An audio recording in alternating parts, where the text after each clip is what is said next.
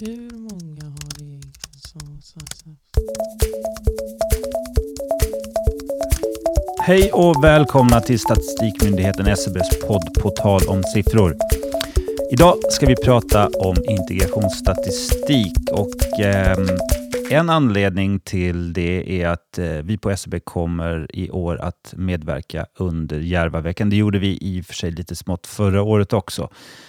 Men vi har ju också gjort en hel del annat till Järvaveckan som vi, som vi kan gå in på lite senare.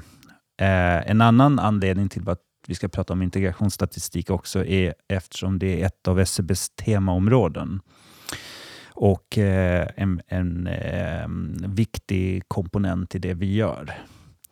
Eh, när ni lyssnar på det här avsnittet så eh, pågår ju Järvaveckan. Eller så kanske ni lyssnar på detta i november och då har den ju redan passerat för länge sedan. Men förmodligen så lyssnar ni på det under tiden som Järvaveckan pågår. Och Det är därför jag har med mig två stycken experter på integration och integrationsstatistik. Till, på min högra sida har jag ju Karin Lundström. Hej Karin! Hej hej! Kan inte du, eh, vad gör du på SCB? Um, ja, men jag jobbar med statistik om integration, eller framförallt kanske analyser på integrationsområdet. Uh, även andra typer av analyser, men bland annat då integrationsanalyser. Det är jättespännande. Ni är ju en grupp där som håller på med det. Ja, ja men precis. Vi är flera olika personer som jobbar med olika delar och sådär. Så, att, mm, det är roligt. Och på min vänstra sida så har jag Ahmed Abdirahman. Hej! Hej! Du är ju grundare av Järvaveckan. Mm, stämmer bra. Ja. Något annat? Ja, eh, jag jobbar ju också väldigt mycket med integrationsfrågorna. Eh, dels i mitt vardagsarbete eh, på Stockholms handelskammare där jag är näringspolitisk expert, eh, social hållbarhet och integration. Och också då ideellt engagerad i de här frågorna um, där jag driver um, stiftelsen The Global Village. Jag är grundare av den och VD uh, eh, och där Järvaveckan är ett av våra stora verksamheter som lyfter den här frågan um, för hela landet. Just det. Järvaveckan är ju en, en del av det som The Global Village arbetar med. Eh, så det är ju inte en, en enskild grej. Nej, men den har blivit så ja. känd att eh, de flesta vet mindre om alltså, organisationen bakom den. Men, du kanske får byta namn på den? Eller? Ja, exakt. Har ni funderat på det förresten? Nej, nej, det är bra att vi har The Global Village. Det ligger väldigt mycket i det namnet som vi har valt också, med omsorg. Global, för vi är globala medborgare idag, mer och mer.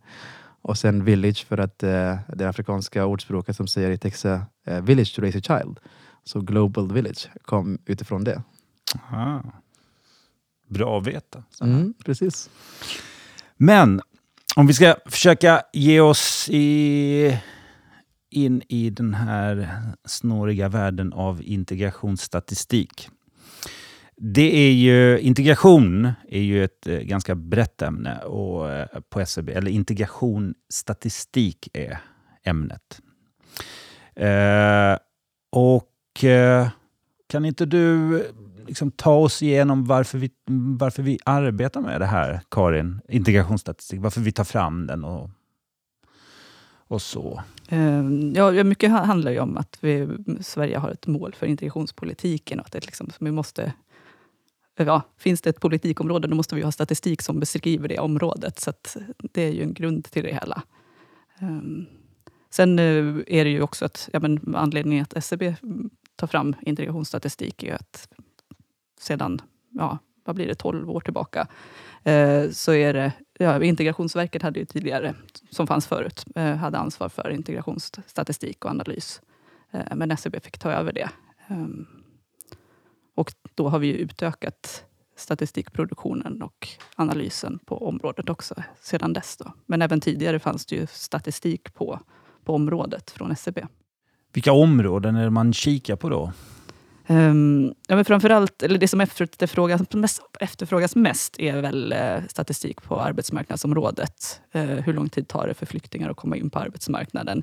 Eh, är väl den största frågan. Sen Vi ska ju, faktiskt gå in på den lite ja, det, senare, ja, så du får inte spoila Nej, redan inte, nu. Eh, jag ska inte gå in på det, men just det där, det är ju ett område. Då. Men sen finns det ju mycket annat. Liksom. Ja, men, olika typer av befolkningsfrågor, flyttningar, utbildning, boende, hälsa. Ja, alla möjliga områden. Så det täcker ju egentligen in alla områden som SCB tar fram statistik över och även andra myndigheters statistik. Du, jag tänkte gå över till dig nu, Ahmed. Och, eh, för det här är mer så en, en fråga som du kanske kan svara på, inte vi, i alla fall på SCB. När vet man att någon är integrerad? Oh, vet goodness. man det? Ja. Uh, är det, det en sån här 10 000 kronors Ja, det är verkligen är det. Det är en väldigt viktig fråga också. Uh, särskilt när vi Integration är som sagt starkt kopplat till, till uh, politiken. Det är en hett ämne, um, vare sig det handlar om EU uh, i Sverige men också eh, i eh, hur vi ska lösa de stora utmaningarna. Ehm, för mig i alla fall personligen, man är integrerad ehm, när man känner sig att man är en del av samhället. Man har ett arbete, det är key tycker jag. Man kan språket eh, och man känner sig hemma. Man har en eh, tillhörighet med ett större vi eh, än bara att man är eh, har tillhörighet till platsidentiteten där man bor till exempel. Oftast det i förorter som de flesta nysvenskarna bor i. Um, eller om man har bara tillhörighet och, uh, um, till det gamla hemlandet.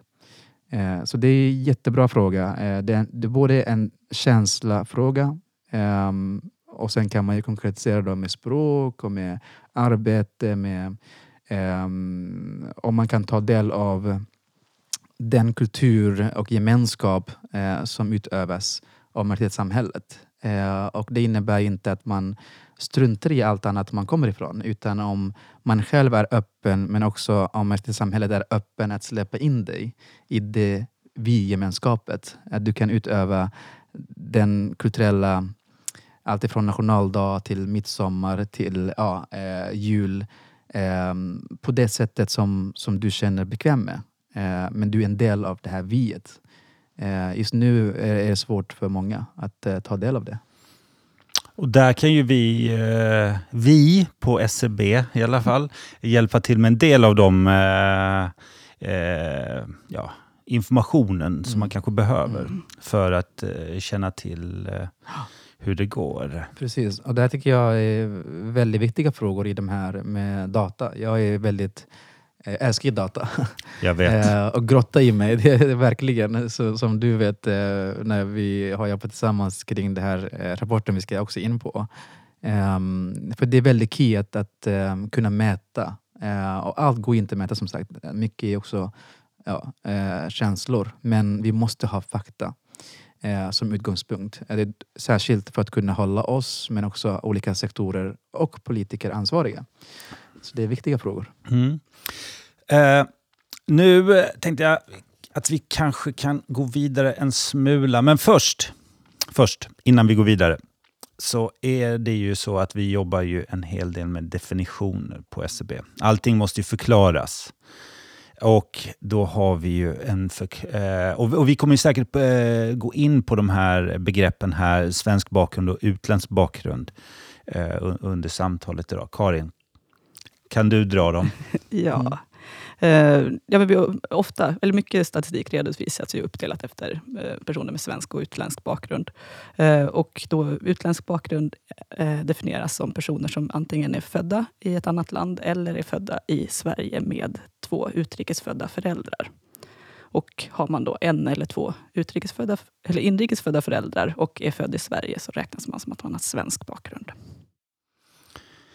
Vilket innebär att om ens föräldrar är båda födda i Sverige, är på semester någon annanstans, då får man utländsk bakgrund. Ja, inte om man är på semester. Man måste inte. ju vara folkbokförd utomlands. Måste man vara folkbokförd? Ja, jag tar tillbaka det jag sa.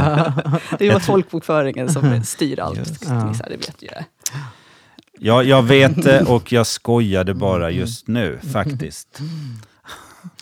Men Karin, hur är det att jobba med integrationsstatistik? Det spänner ju över så många ämnesområden. Ja, ja men absolut. Och det är ju, jag är demograf i grunden och har liksom koll på det här med befolkningsstatistiken och de där grejerna. Så där känner jag mig trygg på, även om jag liksom går in på integrationsområdet. Men eh, det som är spännande med integration är ju att man får jobba med väldigt många olika, olika ämnesområden.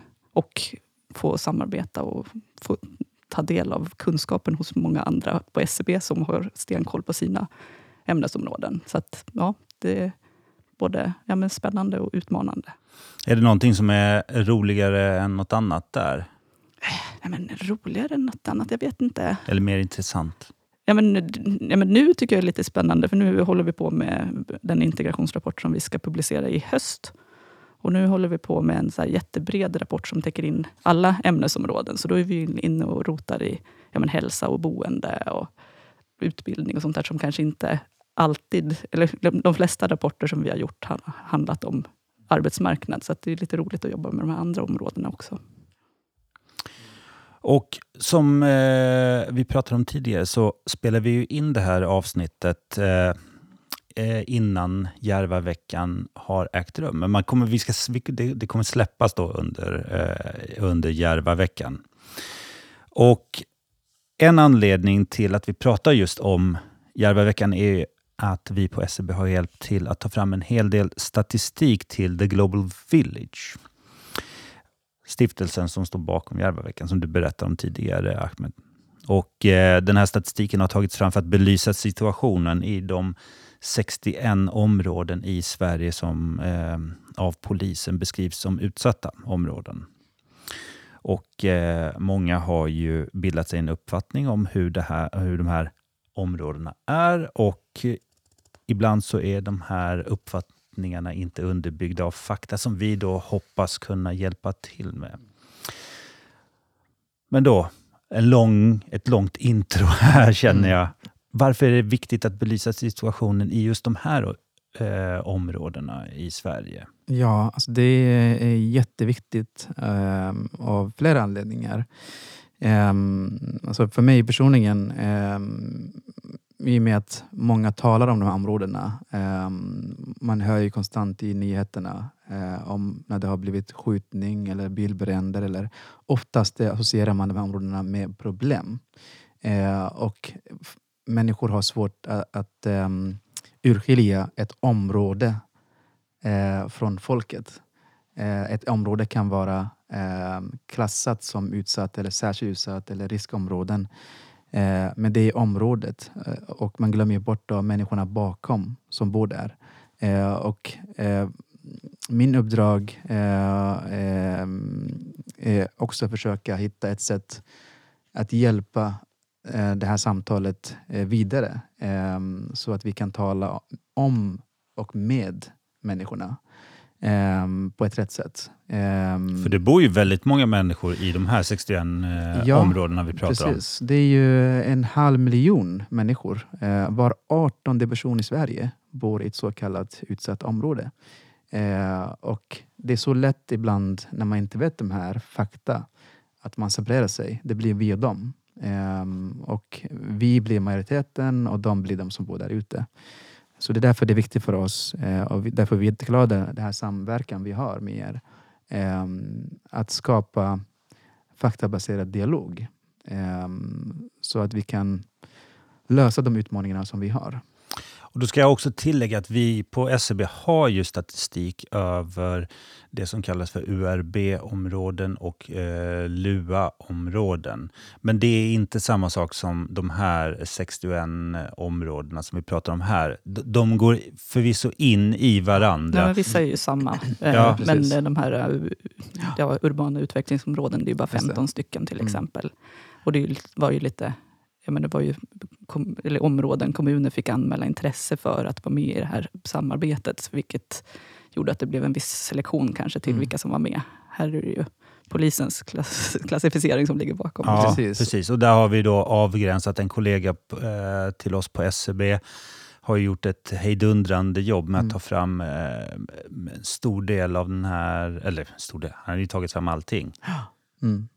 Nej, men det, det är sant och, och, och det som är viktigt det är också är att Um, alltså, vi har ju också eh, samarbete med polisen där vi har fått ta del av de kartorna. Uh, och det är inte många som har sett de kartorna.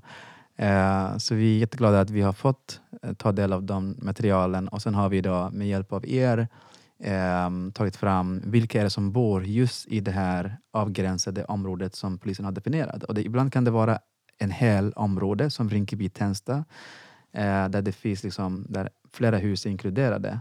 Och ibland kan det vara gator eh, eller en torg. Eh, så man ska också ha, ha i tanken eh, när man hör 61 områden. Vissa är väldigt, väldigt små, 1700 personer där. Andra, det största området befolkningsmässigt är Rinkeby-Tensta, 34 000 människor ungefär. Så det är viktigt att ha i åtanke. Men det är därför det här är så viktigt. Eh, för den här kunskapen gör ju det också att man kan tala de här frågorna på rätt sätt.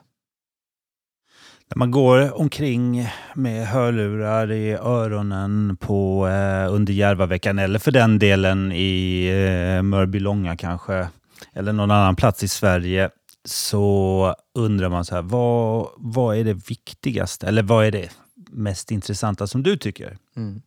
Som, man, eh. som, man, som ni har kommit fram till? Ja, Nej, men det är mycket som är så För att inte spoila för exakt. mycket nu. Ja, exakt. Det är så mycket som är intressant i den här rapporten. Det är nästan svårt att välja eh, även ett. Eh, men framförallt skulle jag säga då, det som jag sa tidigare, alltså var 18 person i Sverige eh, bor i så kallat utsatt område. Eh, och den, den statistiken, den fakta är så slående. Um, för jag har alltid känt liksom att ja, men det, det är inte uh, så många, därför ingen talar om de här områdena. Um, att det fanns en anledning uh, som var mer vad ska man säga, eh, grundat i logik. Men när man ser med fakta att var 18 person i Sverige, då kan man inte tala de här områdena som ja, de där där ute, utan det är vi. Det är vårt land. Um, det berör oss alla Eh, så tyckte jag var väldigt, väldigt viktigt eh, som vi kom fram till. Och sen den andra delen är också något som jag nämnde tidigare och det är då eh, jag bor i Rinkeby-Tensta eh, område då, som är definierat som särskilt utsatt till och med. I högsta graden av utsattheten. Eh, och det är eh, Sveriges eh, största till befolkning område, eh, utsatta området. Eh, så att så få veta att man bor Eh, jag vet inte om jag ska vara stolt över det, att det är så stort. men, men det förstår jag menar, så här, det var liksom så här, wow, okej, okay, jag, jag, visste inte att Rinkeby-Tensta där jag bor är till befolkning Sveriges största område som är utsatt. Um, vad kan jag göra? Vad innebär det här? Um, och är de här begreppen som vi använder, kommer det vara um, något som kommer hjälpa oss gå vidare i samtalet eller kommer vi vara en del av att eh, vad heter det, mörka, eller vad ska man säga, eh, få människor att känna att, eh, att eh, belägger, vad heter det, belägg, eller vad ska man säga? Skuldbelägga? Ja, skuldbelägga eller, eller att, att vi gör det värre när vi ser utsatta områden. Att, ja. Så det är väldigt många viktiga samtal som vi hoppas ska föras eh, med hjälp av den här rapporten. Du har ju kikat lite grann på rapporten, bara eh, mm. bläddrat igenom den. Är det någonting som du tycker är annorlunda i, i, i den här mot uh, mot eh, de rapporter som vi själva eh, skriver på integrationsstatistikområdet? Ja, men vi, vi gjorde ju en rapport om de här URB-områdena för några ja. år sedan. Och, ja, men I stort sett så är det ungefär samma typer av indikatorer som ligger med. Sen mm. är den där mycket snyggare än våra egna rapporter. Ja, tack!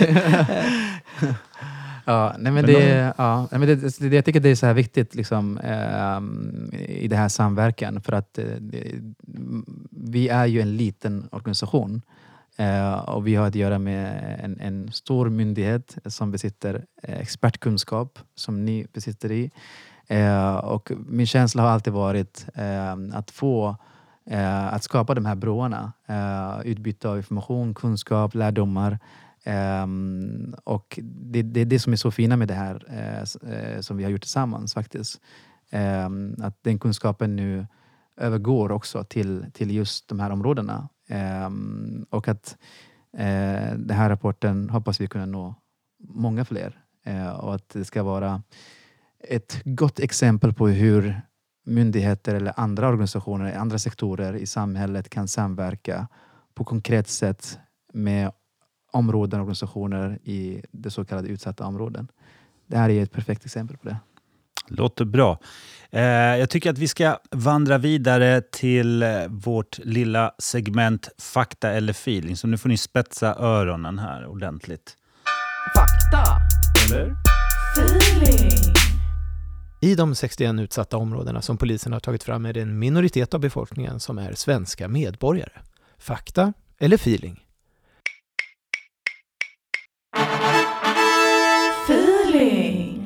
Nej, det stämmer inte. Drygt tre av fyra, eller 76 procent, är svenska medborgare. Ungefär 17 procent är medborgare i ett land utanför Europa och 5 procent är medborgare i ett utom nordiskt EU-land. Ungefär 2 procent är medborgare i ett annat nordiskt land. Jag ska säga att eh, jag har jobbat på... Jag, jag, har jobbat, jag jobbar ju fortfarande på SCB och eh, jag har ju, tycker jag har ganska bra koll på eh, statistik. Men jag trodde faktiskt inte att det var eh, en så hög siffra som 76 procent som eh, var svenska medborgare som bor i de här ut, utsatta om, 61 utsatta områdena. Var en spontan Ja, känsla. Hade ni koll på det? Eller eh, skulle, trodde ni att det var så?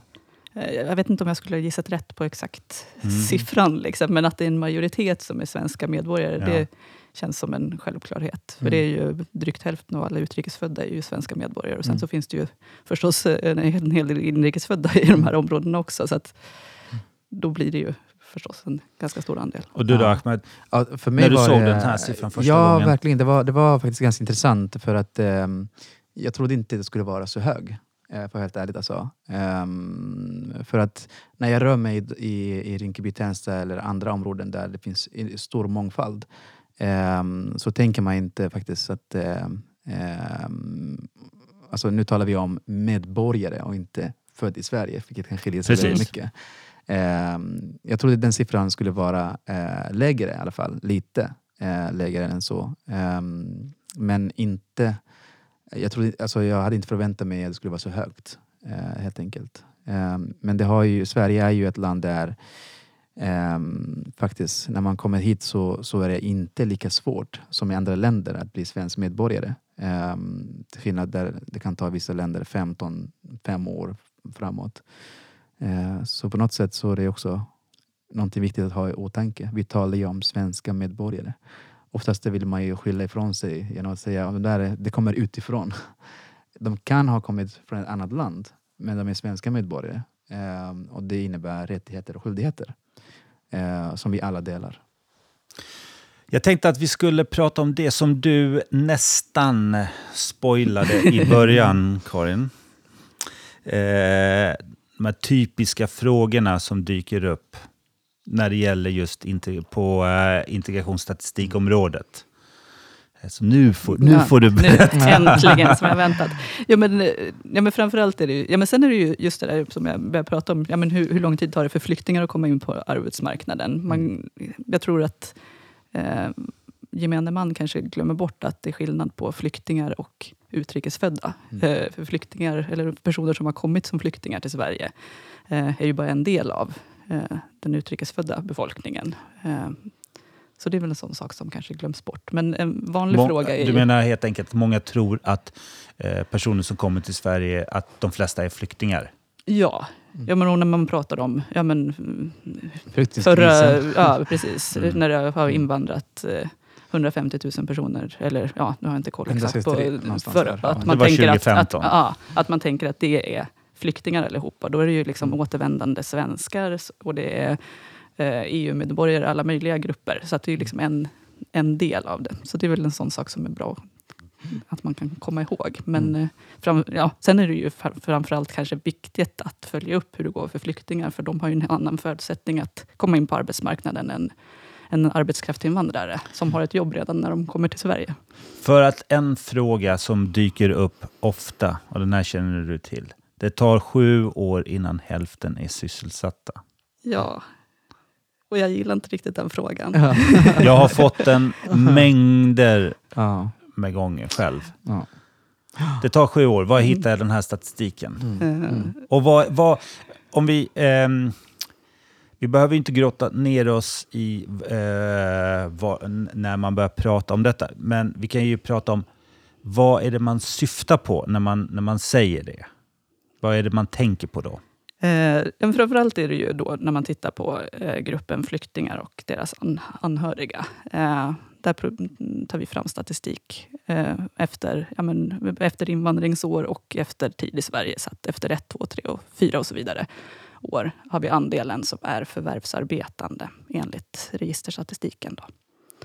Eh, och då eh, ja, anledningen till att jag inte riktigt gillar det där enkla måttet på något sätt, är ju att det, kan, ja, det varierar väldigt mycket beroende på vilket år man har kommit, hur konjunkturläget ser ut. Eh, till exempel de som kom 2004, eh, bland männen där, eh, var de nästan uppe i 50 procent 2008. Eh, men sen kom finanskrisen och då gick sysselsättningen ner och sen så passerade de inte 50 procent förrän efter sju år. Så att de var ju jättenära där efter fyra år. Så att då blir det ju liksom lite svårt att bara ta det här enkla måttet. Ja, det tog sju år för dem att komma in i arbete. Och en, en, en annan sak man måste tänka på är ju att det kommer in en ny grupp människor varje år. Ja, så är det ju med också. olika bakgrund. Och förutsättningar. Ja. Det, det, är- och det är därför liksom igen, det, de här frågorna är jätteviktiga. Eh, den här kunskapen. Eh, och den måste eh, nå eh, medborgare, beslutsfattare, experter, som ja, journalister och hela den delen. Eh, för det, det färgar människors bild av andra. Ehm, och man tar för givet att vi är som människor, att vi är logiska och att vi ehm, har vår kunskap liksom i handen vid det här. Eh, tekniken är tillgänglig idag, att kunna liksom googla fram allt Mm. nästan. Men det innebär ju ännu mer förvirring ibland. Ehm, så det, är, det här är liksom keyfrågor, uh, allmänutbildningen. Ehm, och jag, jag hoppas och tror ehm, att den här rapporten kan bidra till den dialogen. Men också en intresse för statistik. Det är otroligt spännande. Jag är så här nörd i data. Jag kan säga att vi har, jag har varit tvungen att stoppa dig så många gånger Mm. inför det här arbetet. Eller i alla fall lägga band på dig. Ja. För att annars hade vi aldrig, eller vi, ni aldrig eh, blivit klara med det. Men Ja. en annan sak, om vi går tillbaka till de här sju åren. Mm. Vad, ska, kan, vad ska man säga? Eh, ja, men jag skulle ju hellre ha något, ja, men att man tittar på hela kurvan eller någonting sånt där. Eller följer upp efter, ja, men hur ser det ut efter fem år? Hur ser det ut efter sju år? Eh, kollar man lite, ja, men efter sju, åtta år så är det ganska lika för olika invandringsår. Då. Ja. Så att då är det inte så, lika stor skillnad. Så Sen då, är det ju väldigt stor skillnad på hur sysselsättningen ser ut för män och för kvinnor Mm. i den här gruppen. Mm. I, eller i gruppen, eh, om vi säger flyktingar som Mm. kommer till Sverige. Där män, får du rätta mig om jag har fel, men jag tror jag har rätt den här gången. Mm. Män betydligt snabbare ja, kommer in i sysselsättning och kvinnor, eh, där kan det ta mycket, mycket längre tid. mm, så är det ju. Men sen så är det ju bra att veta också att på sikt så kommer ju kvinnorna nästan i fatt ändå. Så att liksom efter, ja, det är ju ganska lång tid då, kanske 12-15 år. Men där är det ju mycket mindre skillnad mellan kvinnor och män. Och där man förlorar ju väldigt mycket. Eh, på särskilt liksom, alltså det, det är ett lidande för individen, hushållen, människorna och området Mm. eh, när folk inte kommer in till arbete. Och, och det är också förlorade möjligheter för Sverige som, som nation och eh, för, för eh, Skatteverket och för välfärden. Ehm, så jag tycker det, här, det är väldigt viktiga frågor att, att belysa det. Eh, och sen är det viktigt också för oss, eh, känner jag, eh, att jag hade ju önskat, och det finns säkert, som du sa, det finns väldigt mycket data som vi, som, som vi vill jättegärna få mer kunskap om. Men att man kunde följa även var man kommer ifrån, alltså ehm, eh, en, det land man kommer ifrån, alltså alla somalier till exempel, eller alla iranier och så vidare. Ehm, för att bara säga utrikesfödda eller utländsk bakgrund eller bara flyktingar, Mm. igen, det är väldigt, väldigt eh, stor grupp. Ehm, men hade man kunnat följa liksom somaliesvenskar eh, eh, som en grupp, både kvinnor och män, eh, över tid och deras barn och barn. Ehm, det skulle vara ju så himla spännande. Eh, och Sverige är rik på data. Mm. Eh, men det finns situationer där man inte vågar göra vissa data av säkert lagliga anledningar men också av eh, historiska band och rädsla för det. Så jag hoppas liksom vi får mer kunskap. Vi får se vad det blir. Mm. Den som Mm. lever får se. Ja, Men en, Nu blev jag nästan sugen på att göra lite reklam för, för vi har lite grann, vi har haft ett samarbete med de andra nordiska länderna och tagit Ja. fram eh, eh, jämförbar statistik Mm. där. Och där, där redovisar vi faktiskt om det är 20 eller 30 största födelseländerna i de här. Så att där finns det lite grejer Mm. uppdelat på, på Vad heter den? enskilda. Eh, ja, men det, är nordisk, det är Nordiska ministerrådet som publicerar den statistiken. Mm. Så att jag tror man går in på nordicstatistic.org för Mm. att hitta den. Spännande. bra. I annat fall får ni kontakta SCBs statistikservice på 010 479 50 00. Men Karin, du har ju också, eller du, på din enhet, Mm. i din grupp har ni jobbat med en rapport, eller gjort färdigt en rapport för ett halvår sedan ungefär. Mm. Som, eh, där ni beskriver flyktingarnas, flyktingars försörjning i Sverige under de första 15 åren. Precis.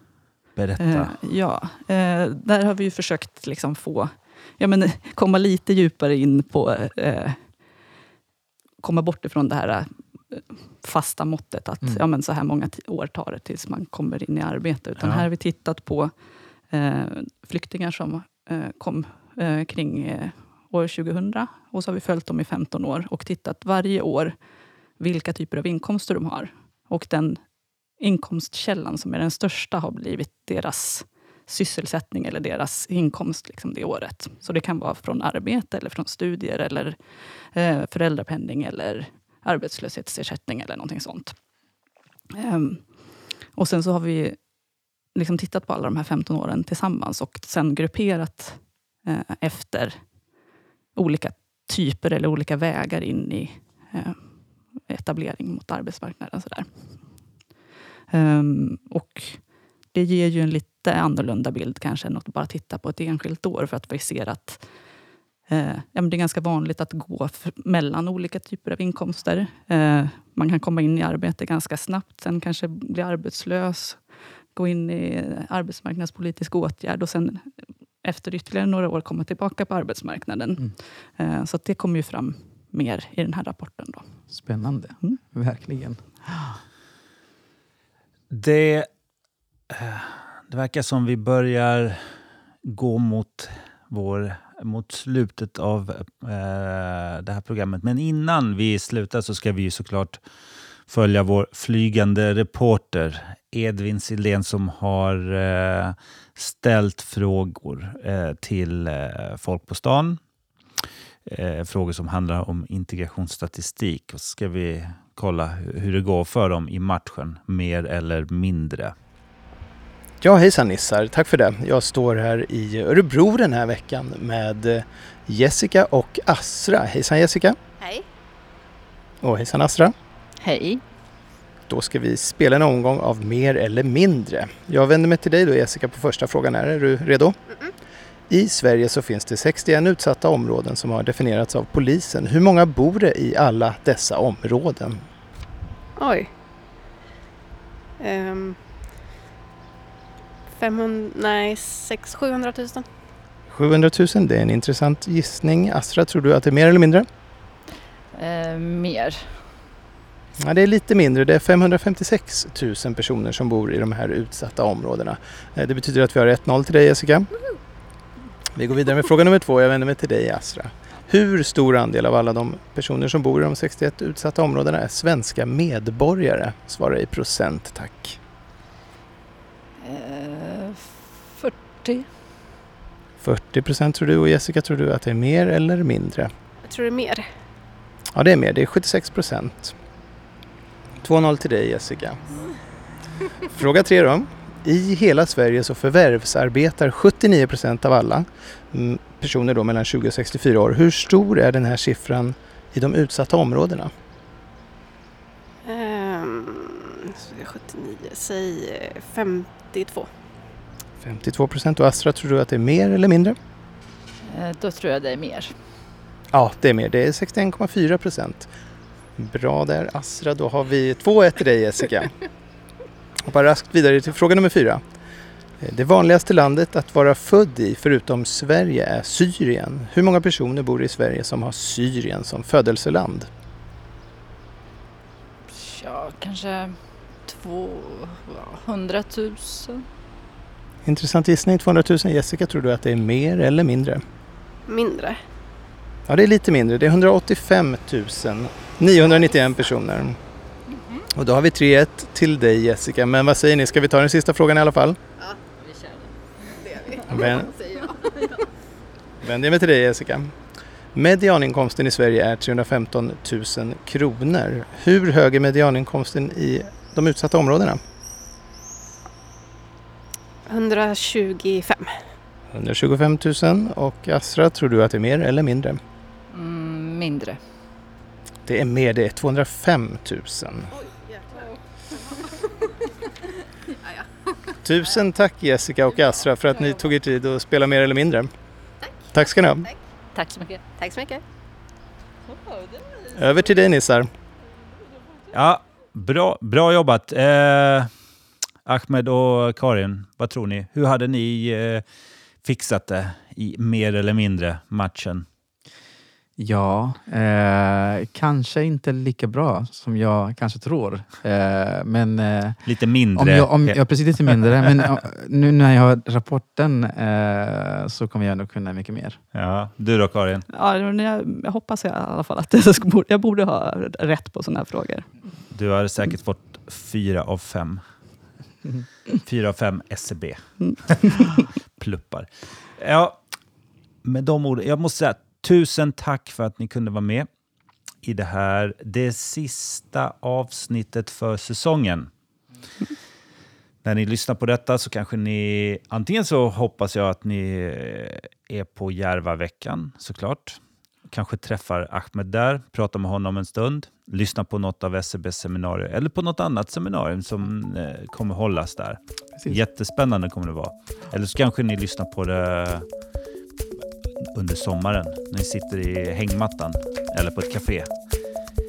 Vi säger tusen tack för den här säsongen. Eh, och återigen, tack Karin, tack Ahmed, tack alla lyssnare och så ses vi nästa höst, hoppas jag. Hej hej!